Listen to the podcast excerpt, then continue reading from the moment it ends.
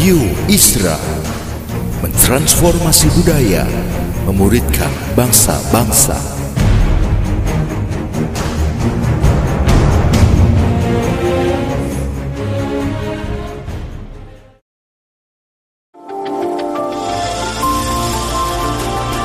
Voice of Pradaim menyuarakan paradigma kebenaran firman Tuhan yang esensi untuk memperlengkapi Anda menggenapi misi dan panggilan ilahi. Selamat mendengarkan.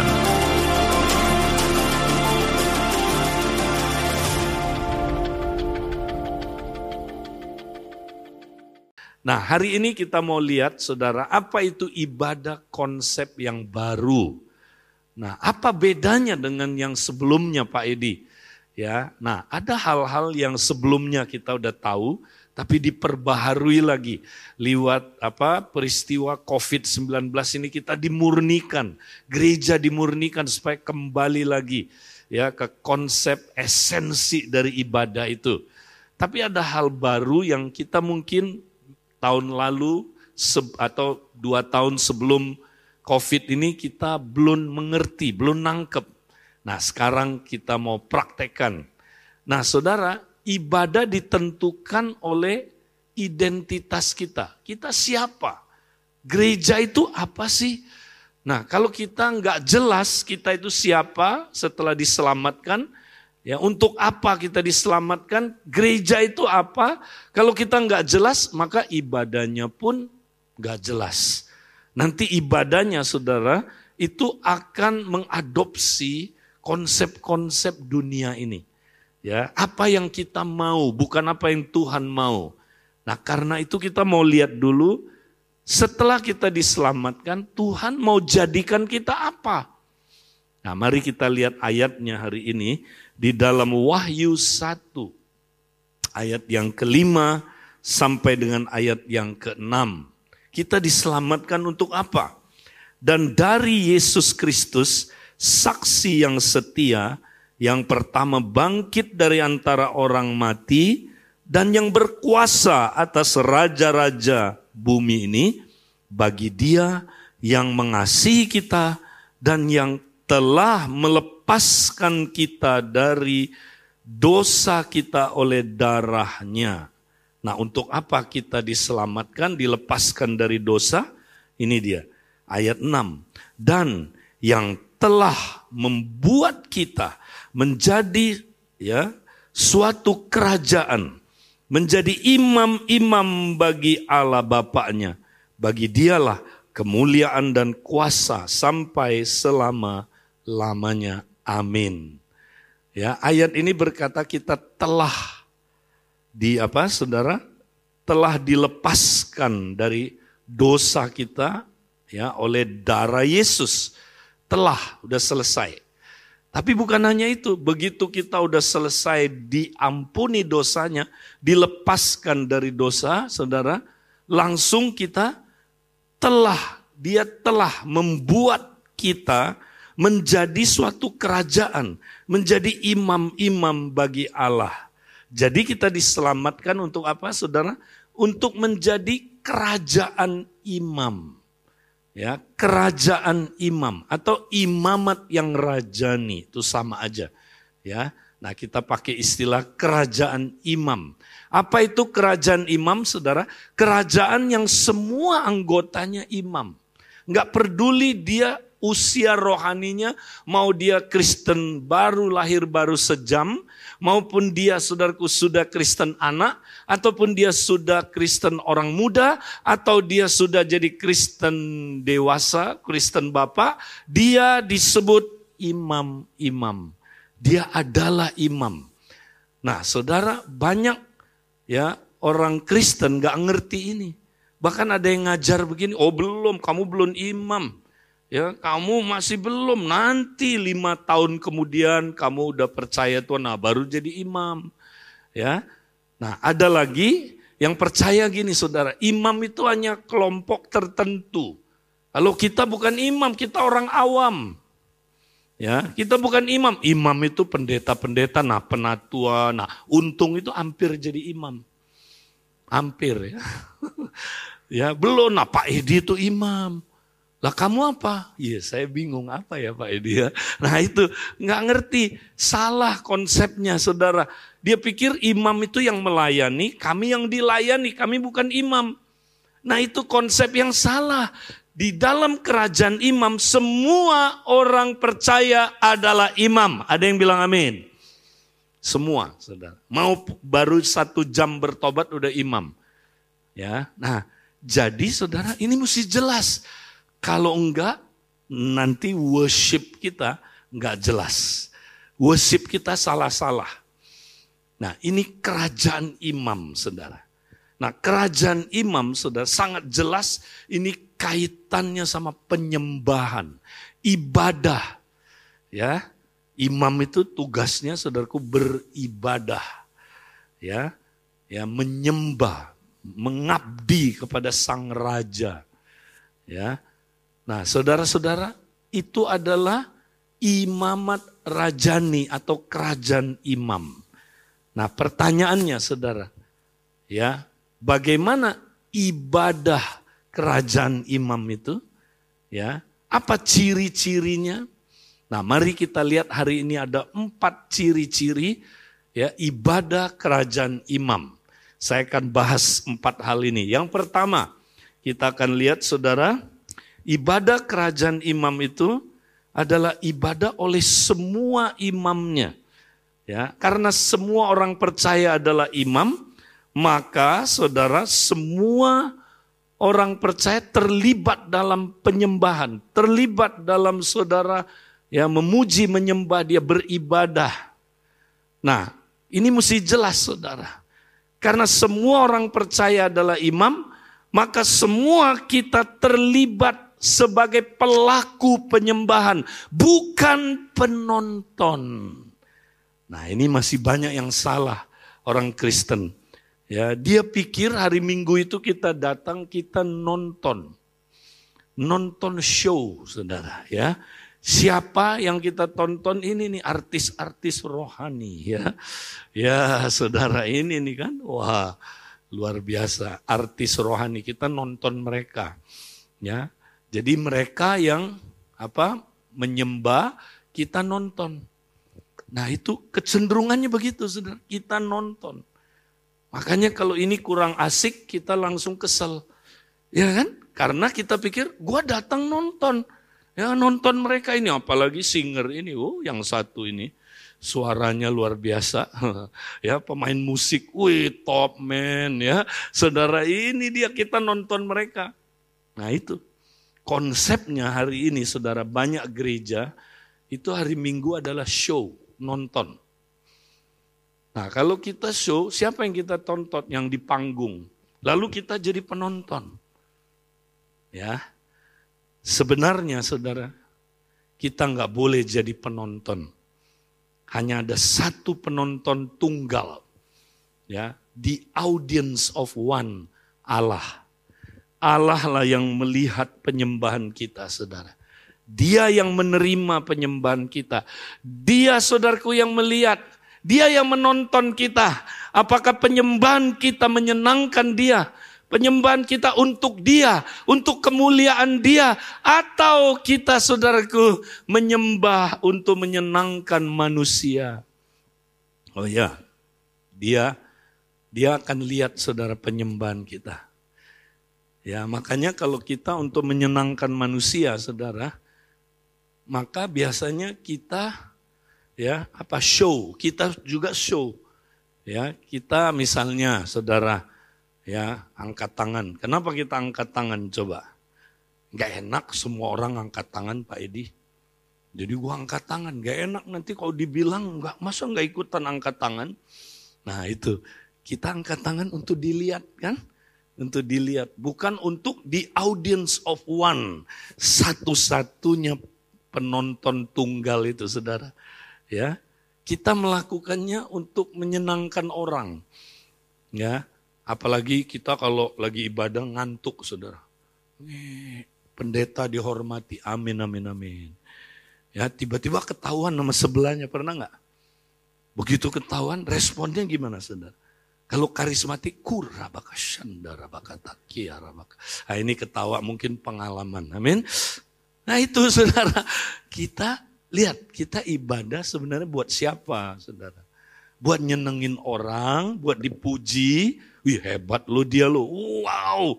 Wih main musiknya dia, wih hebat hari ini, wih luar biasa kalian. Nah kalau dipuji seneng saudara, wih luar biasa ya. Aduh, Debbie kemarin ya, kamu itu pimpin pujiannya langit terbuka loh Debbie. Wih, saya sampai gemeter, keringet dingin. ya, wih Debbie bilang bukanlah. Ya, segala kemuliaan hanya bagi Tuhan. Ya, tapi dalam hati dia bilang begini, sekali lagi dong dipuji. Nah itu, ini cuma ngomong perumpamaan ya. Nah, tapi kalau besok-besok dia dikritik, ya, aduh, kamu kurang persiapan nih penyembahannya ini, waduh, kurang latihannya, ya, waduh, langsung down. Besok-besok udah pindah ke GAAA. Nah, ya kenapa ketawa? Pernah dengar ya yang kayak begitu saudara ya? Ah itu kita lakukan penyembahan, pelayanan buat siapa? Itu dia. Buat siapa? Buat manusia, buat dipuji, buat diri kita sendiri, atau buat di audience of one. Nah makanya saudara, kita harus cek diri kita. Kalau kita ibadah saudara, sungguh-sungguh enggak? Ya, kalau benar saudara, hati kita benar menyembah, kita juga ekspresinya beda. Dan ekspresinya bukan untuk nyenengin orang tapi ekspresinya untuk nyenengin Tuhan. Ya kan? Nah, saya kadang-kadang saudara, ya puji Tuhan juga penatua dapat kesempatan duduk di belakang. Ya, karena dari belakang gampang ngelihat ekspresi kita. Ya, saudara. Kelihatan yang mengekspresikan sungguh-sungguh atau yang enggak. Tapi ada yang bilang gini, Pak Edi yang penting hati. Ya kan? Kamu kok enggak angkat tangan nyembah? Kok nggak sampai wah respon kalau perlu berlutut berlutut, kalau perlu menari-nari lompat-lompat dong. Ya kan? Bodoh. Kalau kamu tepuk tangan nggak kurang sungguh-sungguh, kalau nonton bola kok sungguh-sungguh kamu tepuk tangan. Kan hati Pak Edi yang penting, ya kan? Hati yang penting. Betul, hati penting. Tapi ekspresi juga penting. Karena apa yang keluar dari hati meluap di mulut, ya kan? Apa yang keluar di hati kita harus diekspresikan, bukan untuk kesen apa? Untuk dipuji bukan, untuk Tuhan. Nah, makanya jangan malu, ekspresikan saudara. Nah, kenapa banyak orang saudara nggak ada ekspresi dalam penyembahan? Ada beberapa kemungkinan. Pertama, karena itu dia malu dilihat orang. Ya, tidak mau apa saudaraku dinilai orang nanti dia takut. Ya, kenapa kamu diam aja? Ya, habis semua diam Pak Edi. Ya kita diam dong. Masa kita sendiri ntar bingung lagi. Dibilang apa? Ekstremis ya. Nah itu dia saya. Kita terpengaruh kan? Nggak mau saudara kita ekspresiin. Ya, nah kita alasannya kan di hati yang paling penting. Nah itu dia. Ya, padahal ekspresi penting. Kalau saudara baca Mazmur, wih, Tuhan mau kita ekspresikan saudara penyembahan kita. Ya. Jadi nggak begini aja haleluya. Ya, haleluya. Ya, coba lihat bilang mas sebelahnya, aku kenal orang itu bilang. ya kan saudara.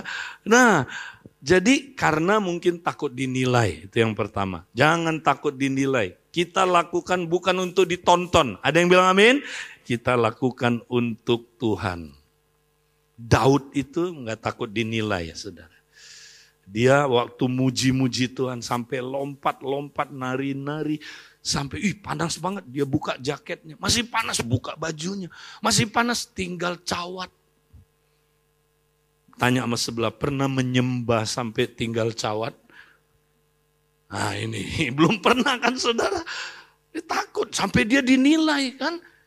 Dia dinilai sama Mikal Ya kan saudara sampai akhirnya Mikal terkutuk.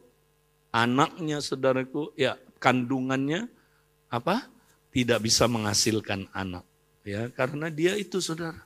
Ya, dia menilai, mengkritik ya apa orang yang worship saudara. Waduh, sedih banget. Nah, saudara, jangan jangan kita takut dikritik, takut dinilai. Ya, kita lakukan bukan untuk manusia, untuk Tuhan. Ya, ya. Yang kedua, kenapa orang saudaraku nggak ada ekspresi dalam penyembahan? Ya, karena mungkin itu nggak fokus. Ya kan, dia datang di sini, badannya aja datang, hatinya mah di tempat lain. Bisa kan? Nggak fokus, saudara. Ya, sambil menyembah, buka gadget, haleluya, Instagram bilang apa ya? Oh puji Tuhan, ya. Berita YouTube yang terbaru apa ya? Ah, itu dia saudara sambil lihat. Ini bukan nyindir, mengingatkan. ya ada orang gitu sudah nggak fokus. Nah Alkitab sebut itu tanah pinggir jalan, saudara. Kenapa tanah pinggir jalan mendengar firman tentang kerajaan tapi nggak berbuah, nggak ngerti. Banyak orang saudaraku karena nggak fokus hatinya, datang ibadah nggak ngerti firman Tuhan, nggak dapat pencerahan. Dia hanya saudaraku ikut tapi pulang nggak pernah mengalami apa-apa saudara. Ya, karena dia tanah pinggir jalan. Pinggir jalan tuh gini saudara, trotoar, perbatasan antara ladang dan jalan itu ada trotoar. Jadi ini ini yang disebut mendua hati. Orang yang mendua hati, saudara, nggak dapat apa-apa katanya dari Tuhan. Ya, karena benih jatuh di situ diinjak mati benihnya. Benih jatuh di situ dimakan burung. Berbicara tentang musuh kita mencuri mencuri pengertian firman itu saudara. Dia dengar firman tapi nggak mengerti. Saudara, mari kita fokus saya dari jam 4 pagi tadi udah fokus, saudara. Saya mau beribadah, saya fokus. Saya ke sini, saya nggak mau saudaraku lihat-lihat yang lain. Fokus benar. Nah, orang yang fokus sudah pasti encounter sama Tuhan. Ya, dalam ibadah. Amin. Ada yang bilang amin?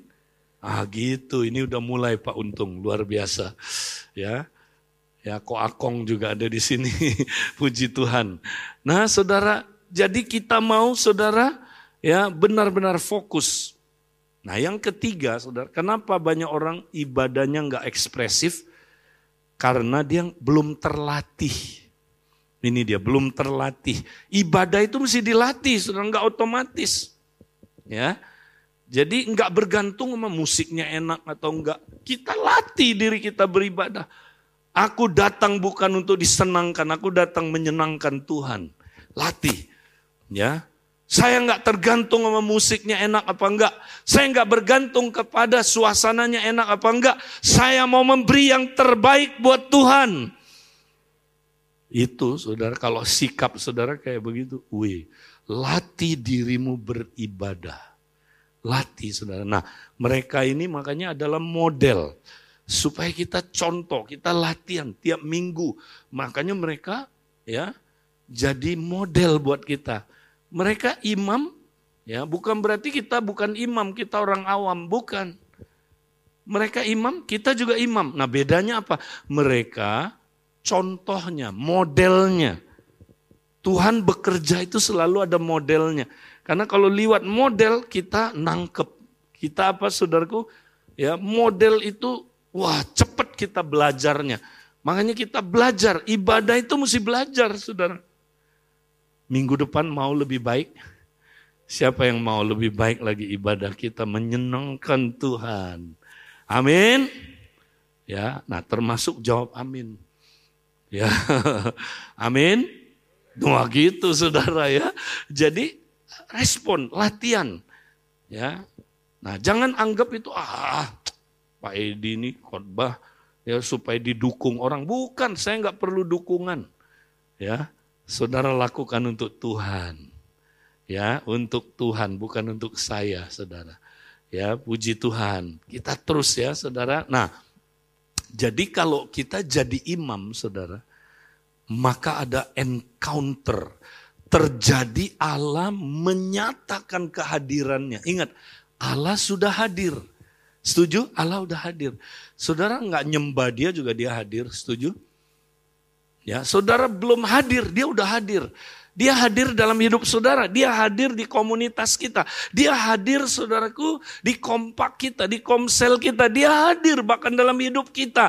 Tapi Tuhan bukan cuma mau hadir, dia mau menyatakan kehadirannya.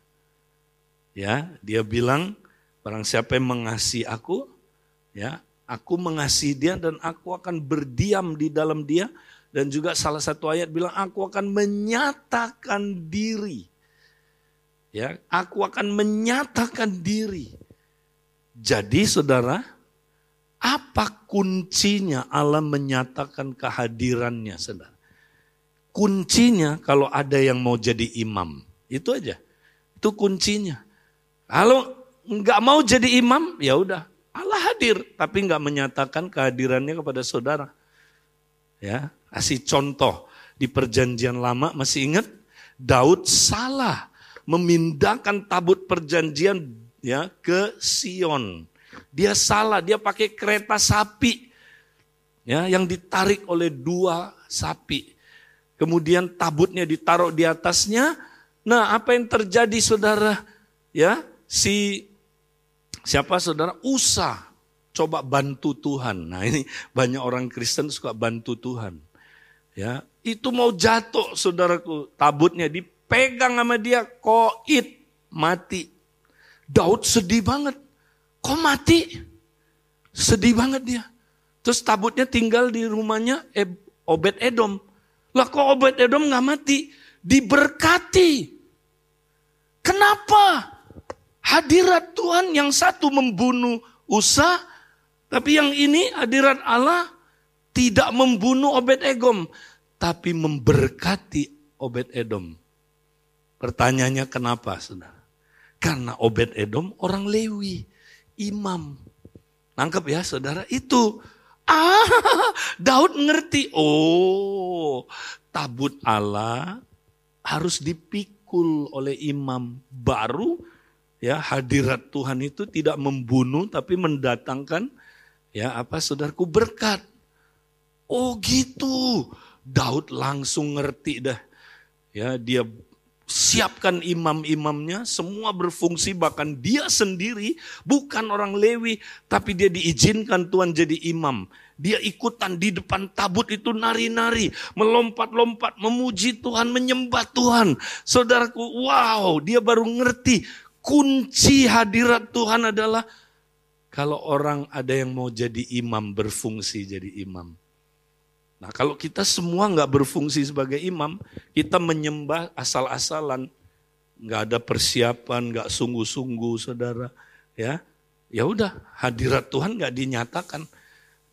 Yang dinyatakan hadirat musik, yang dinyatakan hadirat artis, yang di, ya, yang saudaraku dinyatakan apa saudaraku? Karena suasana yang diciptakan oleh manusia, tapi banyak gereja tertipu, dia pikir itu hadirat Tuhan. Kenapa kamu seneng ya di di di ini nih di kelompok ini? Ih, gemeter Pak Edi. Ya penyembahannya merinding. Tahu nggak? Ya, saudara ikut kalau ikut misalnya konser Michael Jackson merinding juga. Nah, ada orang nggak bisa bedain merindingnya Michael Jackson dengan merindingnya kalau Yesus hadir menyatakan kehadirannya. Nggak bisa bedain dia, saudara. Ya, Nah, tapi kita bisa tahu saudara, kalau itu hadirat Tuhan atau bukan, kita bisa peka. Ya, kalau kita jadi imam. Nah, kalau kita semua jadi imam, gak usah semua. Sebagian besar aja jadi imam, ngeri ibadah itu saudara. Ya, tadi aja saya mulai merasakan saudara. Ya, saudara mulai merasakan beda. Tuhan mulai menyatakan kehadirannya saudara. Nah, kalau ibadah yang kayak gitu saudara pulang, aduh dijamah, itu yang disebut dijamah, ngalamin Tuhan, ya mengalami perubahan, ada kuasa ibadah saudaraku. Ketika kita pulang saudaraku kita beda, kita ngalamin Tuhan. Wis, ini yang kita mesti saudaraku harapkan. Ya, bilang sama sebelahnya, makanya berfungsilah sebagai imam bilang. Ah, ya, Ayo, mulai minggu depan kita lebih lagi ya berfungsi sebagai imam. Ya, ingat loh, penatua duduk di belakang. Tapi kami mengamati saudara bukan untuk mengkritik, bukan. Ya, ya untuk ngajar lah, diingatkan. Eh kenapa kamu nggak ada ekspresinya kalau nyembah? Belajar lebih banyak lagi. Nah saudara, ya kita mesti saudara ya menyembah Tuhan dengan saudaraku ekspresi. Hati dan ekspresi, dua-duanya perlu. Oke, okay? Nah itu yang pertama saudara. Nah yang kedua, apa itu ibadah uh, kerajaan imam ya. Nah yang kedua, nah ini kita udah belajar, kita ulang lagi karena ini penting. Ibadah yang karena bukan supaya. Nah ini paling bagus kalau kita baca Roma 12 ayat 1 dari terjemahan firman Allah yang hidup. Ini bagus sekali kita baca ya. Langsung jelas dia. Karena itu saudara sekalian yang saya kasihi, saya mohon supaya saudara melayani Allah dengan keseluruhan hidup kalian mempersembahkan dirimu sebagai suatu persembahan yang hidup dan suci, suatu persembahan yang menyukakan hatinya, melayani dia dengan cara ini adalah ibadah sejati dan balasan yang pantas untuk kasihnya. Wah ini keren saudara. Jadi ibadah itu dimulai dengan kata karena itu. Nah, karena itu ini menunjuk kepada apa? Menunjuk kepada pasal sebelumnya, bahkan 11 pasal sebelumnya, Saudara. Ya, menunjuk kepada apa, Saudara? Ayat 30 sampai 32 menunjuk kepada kemurahan Allah. Allah begitu murah hati. Ya, sehingga dia mengutus anaknya Yesus Kristus mati di kayu salib, menyerahkan dirinya, nyawanya untuk kita. Betapa murah hatinya dia, penuh dengan kasih. Itu alasan kita beribadah karena itu. Yang kedua, karena apa? Ayat 36, ini konteks paling dekatnya. Karena itu apa saudara? Karena ayat 36. Karena dialah pemilik segala sesuatu. Dialah Tuhan penguasa segala sesuatu. Karena segala sesuatu adalah dari dia, oleh dia dan kepada dia. Bagi dialah kemuliaan sampai selama-lamanya. Karena seluruh hidup saudara milik dia. Seluruh hidup saudara. Makanya ya karena itu kita mau beribadah kepada dia. Jadi kita beribadah motifnya apa? Karena itu. Ya. Nah, disebut di sini bagian terakhir melayani dia dengan cara ini adalah ibadah sejati dan balasan yang pantas untuk kasihnya. Kenapa kamu ibadah? Sebagai balasan yang pantas, balasan yang masuk akal, balasan yang reasonable. Adalah pantas kalau dia begitu mengasihi saya, saya pun sebagai balasannya. Saya nggak bisa bayar harga untuk apa keselamatan itu, tapi balasan kasih saya. Saya mau balas dia ya dengan respon ibadah saya. Wow, kalau orang ngerti ini saudara, ibadahnya beda. Ya, ibadah karena karena ini bukan ibadah supaya. Kenapa kamu ibadah? Ya Pak Edi, supaya kita dilindungi dari COVID. Kenapa kamu ibadah? Supaya kita ya nggak kualat Pak Edi. Ya, kalau kamu nggak ibadah, gimana kamu bisa ya di apa di dibikin sukses oleh Tuhan? Kamu ibadah supaya kamu sukses, supaya kamu kaya, supaya kamu sembuh, supaya kamu dilindungi, supaya kamu nyaman, supaya kamu aman, supaya masa depanmu cerah. Ini ibadah supaya. Alkitab udah ingetin kita, Paulus bilang nanti ada orang yang menganggap ibadah adalah sumber keuntungan. Cari untung, nah ini Pak Untung, untung dia nggak cari untung, amin.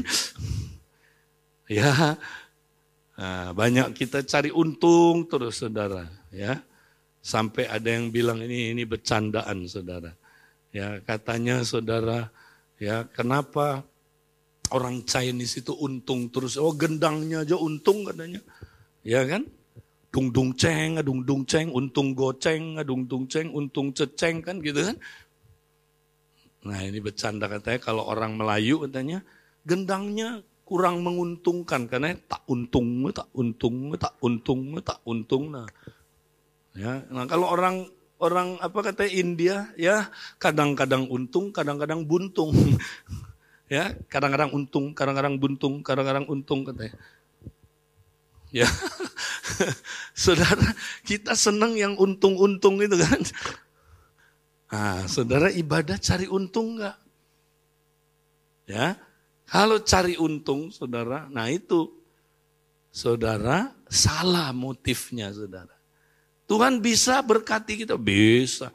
Tuhan bisa, saudaraku, ya, memberkati kita dengan materi bisa. Tapi kita nggak cari itu, saudara. Motif kita, kita beribadah bukan supaya kita beribadah karena. Ada yang bilang amin. Kalau ibadah karena itu keren, saudara. Ya, lihat seorang perempuan hadir waktu Tuhan Yesus kunjungan ke mana saudara? Ke rumahnya Simon tukang apa? Simon orang ya orang Yahudi orang Parisi saudara. Ya Tuhan datang ke rumah dia tiba-tiba masuk seorang perempuan berdosa. Perempuan ini masuk saudara. Terus perempuan ini mengambil buli-buli saudara ya barang yang paling berharga dalam hidupnya. Disebut dia perempuan berdosa, nggak tahu dosanya apa ya, tapi kalau kita tahulah, kalau perempuan dosanya apa kita tahulah.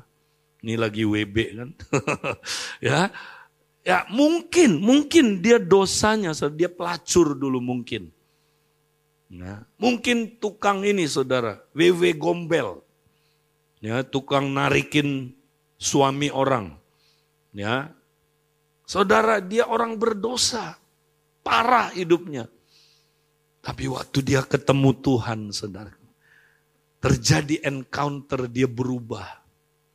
Dia ambil minyak warna wa, apa narwastu yang mahal itu dipecahinnya, saudara. Kemudian dia menangis, saudaraku. Sambil menangis, dia jongkok.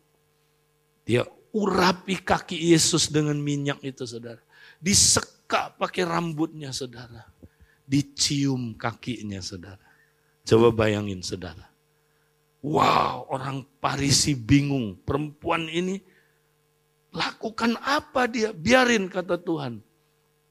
Lalu Tuhan saudara ya menceritakan sebuah perumpamaan. Kalau ada dua orang, satu untuk apa utangnya ribuan dinar, satu ratusan dinar, dua-duanya nggak bisa bayar, tapi ya tuan yang kepadanya ya mereka berutang bilang dilunasi aja dua-duanya, nggak usah lagi bayar, dihapus utangnya. Yang manakah yang paling bersyukur? Yang mana saudara? Yang utangnya banyak. Saudara merasa nggak utang saudara banyak? Ya, atau saudara diselamatkan take it for granted. Ya, selamat ya. Biasa-biasa aja Pak Edi. Gimana biasa-biasa aja?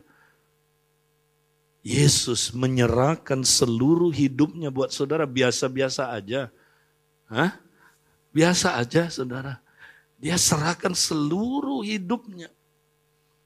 Betapa mahalnya harga keselamatan itu saudara. Seluruh dunia ini dijual. Nggak sanggup beli saudara dari dosa, nggak sanggup saudara. Kalau bukan dia yang menyerahkan nyawanya bagi kita. Nah perempuan ini sadar. Ya, dia sadar. Dia urapi kaki Yesus saudara. Kenapa? Karena dia tahu saudara, nanti Mesias datang, Mesias itu adalah anak domba yang akan disembeli, saudara. Nah, menurut orang Yahudi, saudara, anak domba itu, ya sebelum disembeli sembeli anak domba pasca itu, saudara, ya itu mesti diurapi kakinya dan kepalanya dengan minyak. Makanya kepala dan kakinya kan diurapi dengan minyak. Perempuan ini tahu Yesus itu adalah penggenapan dari anak domba yang menebus orang Israel dari perbudakan Mesir. Dia adalah saudaraku anak domba yang akan disembeli. Itu sebabnya saudaraku perempuan ini mengurapi dia, mencium kakinya. Tahu kenapa dia mencium kakinya saudara? Ini menggenapi ya Mazmur pasal 2 nanti baca saudaraku ayat 12. Mesias itu ya akan disembah saudara.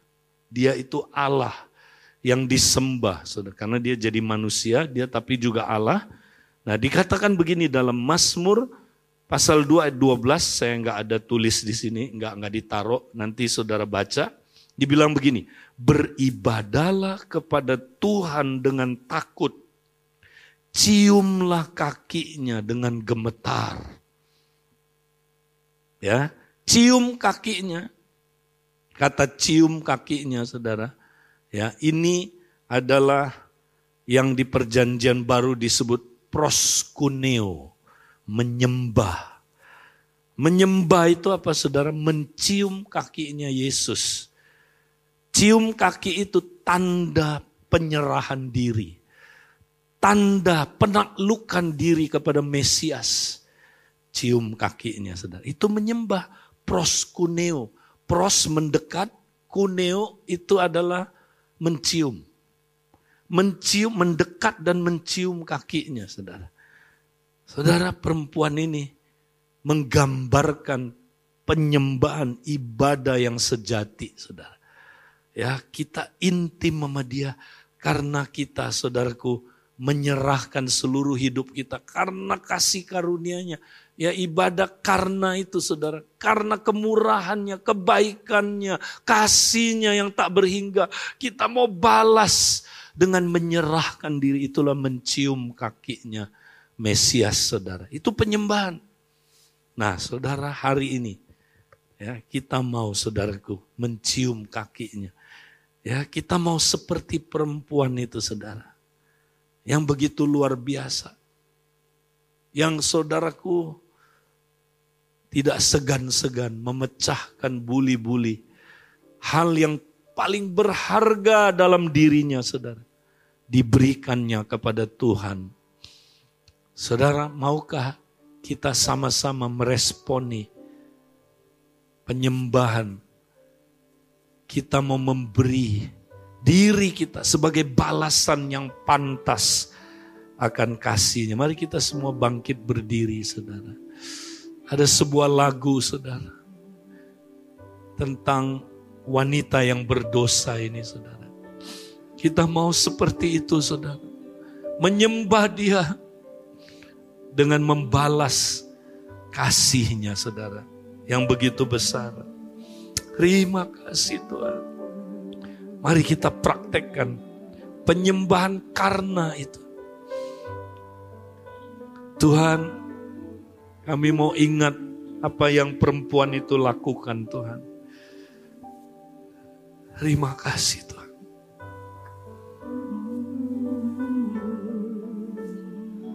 Kami bersyukur.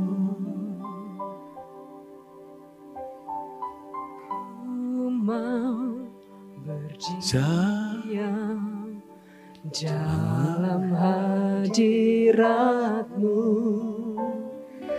Ku mau bersujud di dekat kakimu seperti wanita yang datang mengurapimu. Ku mau memberikan yang terbaik bagimu. Mari kita datang, persembahkan buli-buli kita. Ku mau berdiam dalam hadiratmu.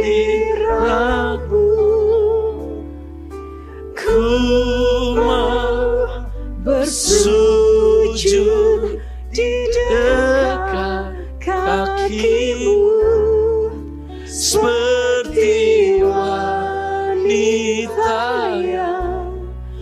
Datang mengurapimu Ku mau memberikan yang terbaik bagimu Katakan lagi sama-sama. Persembahkan. Ku mau berdiam dalam hadiratmu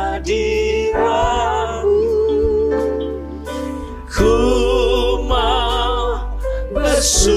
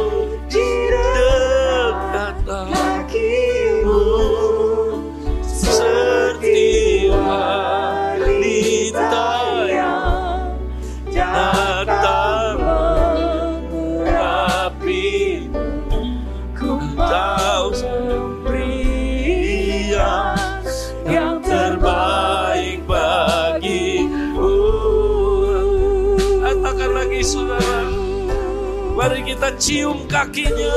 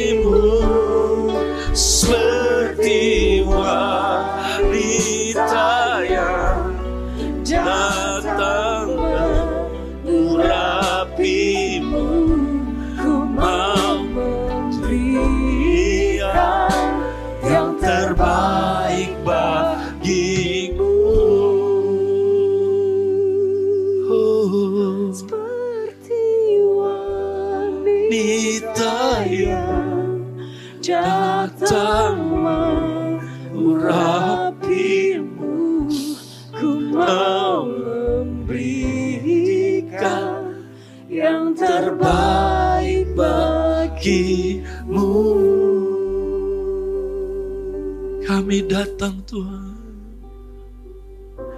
Inilah kami Mempersembahkan diri kami Sebagai korban yang hidup Dan yang berkenan Kepadamu Tuhan. Begitu besar kasihmu Begitu dalam cintamu Tuhan. Kau rela Tuhan Memberikan hidupmu Kepada kami Tuhan. Inilah balasan kasih kami. Sebagai respon yang pantas Tuhan Terimalah Tuhan. Terimalah Tuhan. Terima Tuhan. Kasihnya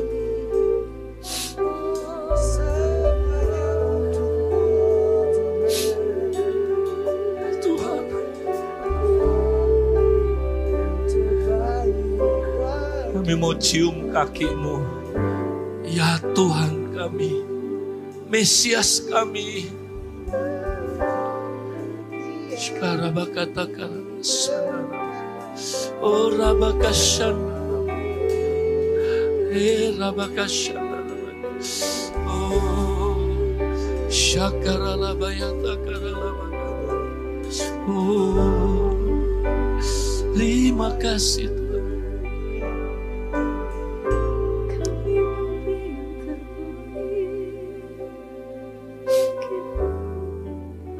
Kami mau balas kasih-Mu yang begitu besar Tuhan. Terima kasih Tuhan.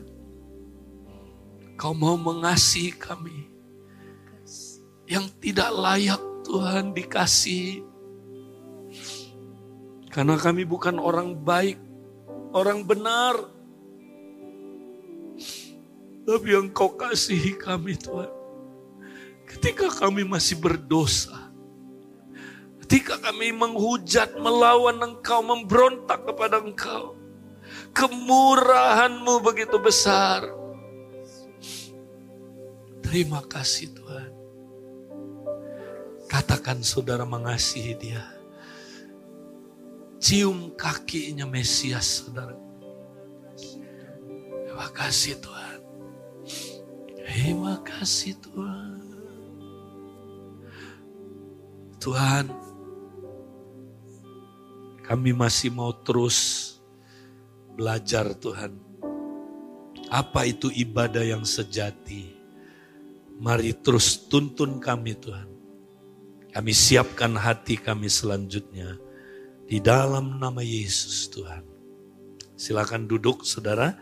Nah kita masih ada sedikit lagi. Kita lanjutkan saudara. Nah yang ketiga, nah, ibadah kerajaan imam itu adalah ibadah dari rumah doa bagi segala bangsa. Markus 11 ayat 17, waktu Yesus mengunjungi bait Allah, saudara, lalu ia mengajar mereka katanya, Bukankah ada tertulis rumahku akan disebut rumah doa bagi segala bangsa? Tetapi kamu ini telah menjadikannya sarang penyamun. Nah, saudara, mestinya ya bait Allah itu bukan hanya kumpulan orang Yahudi, tapi juga bangsa-bangsa diundang, ya dipanggil oleh Tuhan menjadi rumah doa. Ya, rumah doa artinya apa Saudara? Ya, tempat encounter dengan Tuhan. Ya, tempat encounter rumah doa. Nah, rumah penyembahan, rumah encounter dengan Tuhan. Itu yang siapa lihat? Yakub lihat, Saudara. Yakub mimpi tidur, Saudaraku, dia lihat, wish, ada apa? Rumah Tuhan itu ada tangga naik menghubungkan bumi dengan sorga, malaikat turun naik, itu rumah Tuhan. Ya, tempat kita berjumpa dengan Allah ya di alam roh. Ya, saudara kita di alam nyata jumpa dengan dia itu rumah Tuhan. Ya, rumah Allah Yakub, ya. Nah, saudara, bangsa-bangsa akan datang ke situ Yesaya 2. Ya, datang ke rumah Allah Yakub, Bait El, ya supaya dia ketemu Tuhan. Ya, tapi orang Israel, saudara, egois. Ya, dia nggak mau saudaraku supaya bangsa-bangsa datang sama Tuhan. Dia egois bangsa Israel aja. Bahkan proselytes orang yang saudaraku ya sudah jadi beragama Yahudi itu dipisahin saudara. Mereka punya pelataran sendiri ya. Nggak boleh mereka masuk ke dalam-dalam. Jadi sangat apa saudara ada gap. Bahkan tempat itu dipakai buat jual beli burung merpati. Jual beli saudaraku korban dan penukaran uang. Wih Tuhan marah sekali saudara. Ya Tuhan marah sekali. Tuhan bilang rumahku mestinya rumah doa bagi segala bangsa, tapi kamu jadikan sarang penyamun. Kamu jadikan tempat jual beli. Apa itu tempat jual beli? Cari untung. Nah banyak kita, sudah tanpa kita sadari, kita juga mempraktekkan prinsip yang sama. Kita datang ke rumah Tuhan, bukan lagi jadi rumah doa bagi segala bangsa, tapi menjadi tempat jual beli, saudara. Cari untung kan? Yang tadi itu ya, cari untung. Dung-dung ceng itu kan. Nah saudara, kita karena cari untung, nah makanya ya ibadah kita nggak berkenan. Tuhan disiplin saudaraku, dicambuk saudaraku orang-orang yang jual beli itu. Ya, Tuhan nggak mau saudaraku rumahnya ya dikotori dengan jual beli saudara. Ya, Tuhan mau kita saudara bukan cari untung, tapi menjadi rumah doa bagi segala bangsa. Jadi saudara, ingat saudara, rumah doa itu ada kaitannya sama misi. Ya, misi bangsa-bangsa datang ke rumah Tuhan. Yesaya 2 itu saudara. Ya, ada kaitannya. Makanya Pak Lukas minggu lalu ya sudah menyampaikan saudara. Kita harus punya visi Ya, bangsa-bangsa datang ke rumah Tuhan. Itulah tujuannya kita mendirikan rumah doa bagi segala bangsa. Nah, yang terakhir Saudara, satu lagi. Ya, ini hampir sama tapi tekanannya sedikit beda tapi hampir sama, ya. Yang keempat, apakah ibadah kerajaan imam itu ibadah yang misioner, Saudara? Yang apostolik, yang mengutus, ya Nah ini saudara kita lihat Mazmur 67 ayat 2 sampai 3. Kiranya Allah mengasihani kita dan memberkati kita.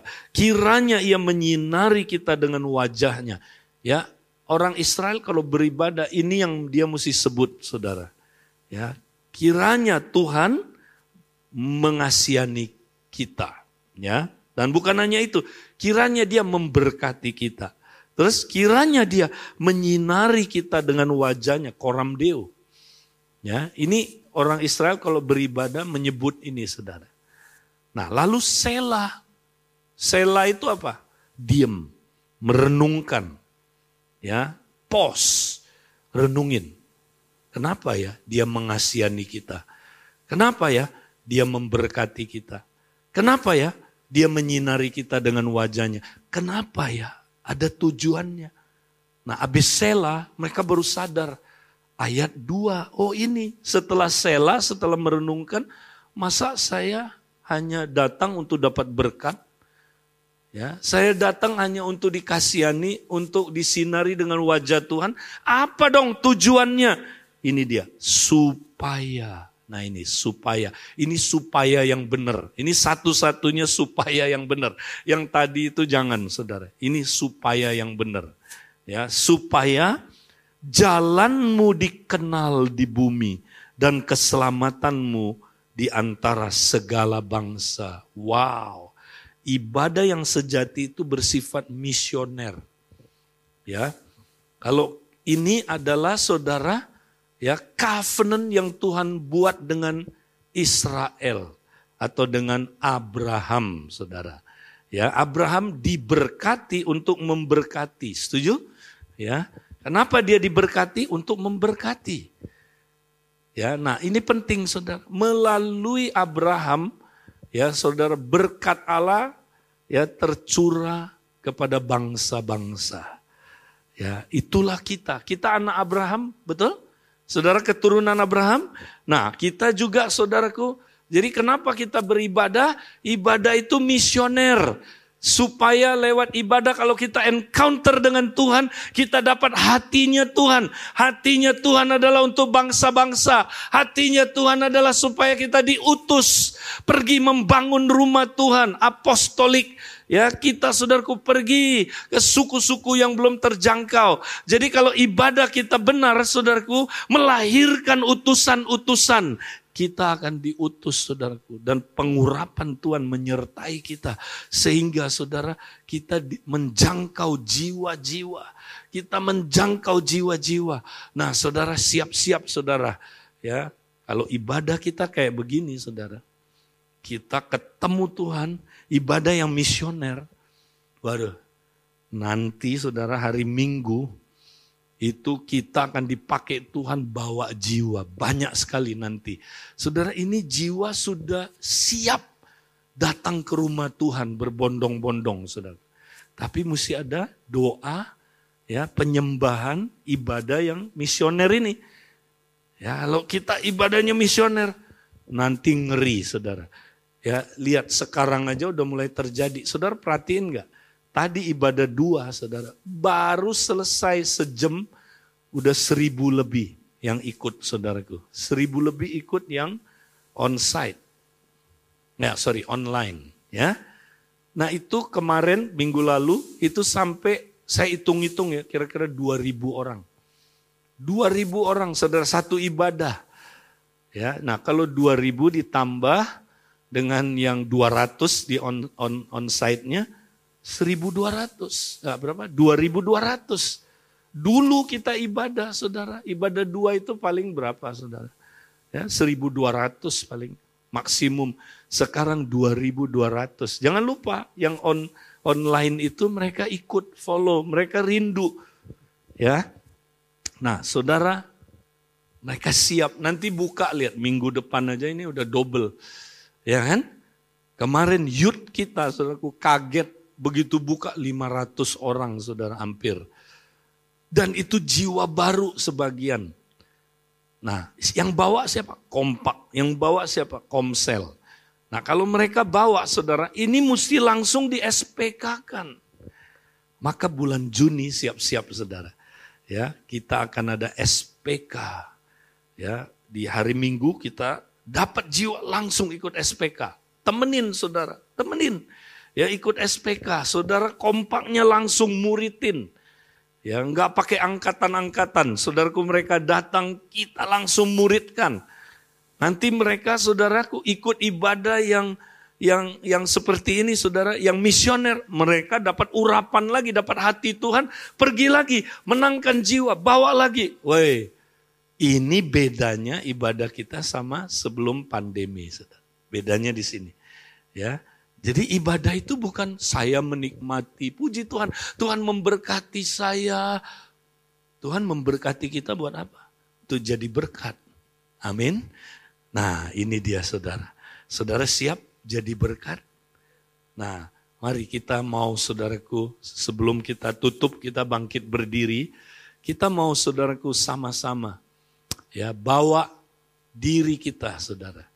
Encounter dengan Tuhan dan bilang Tuhan pakai aku Tuhan untuk bangsa-bangsa. Supaya Tuhan, jalan Tuhan dikenal oleh segala bangsa Tuhan. Tuhan kami rindu, kami tidak mau hanya beribadah untuk diri kami, untuk diberkati, kami mau jadi berkat. Kami bukan hanya untuk diselamatkan, tapi kami mau dipakai menyelamatkan orang lain. Kami mau Tuhan berkat Abraham sampai kepada bangsa-bangsa. Saudara mau? Mari kita datang saudara. Kita ingat bangsa kita. Bagaimana Tuhan tidak sayang kepada bangsa kita saudara. Bangsa yang besar. Yang hari ini saudara. Sebagian besar belum kenal Tuhan.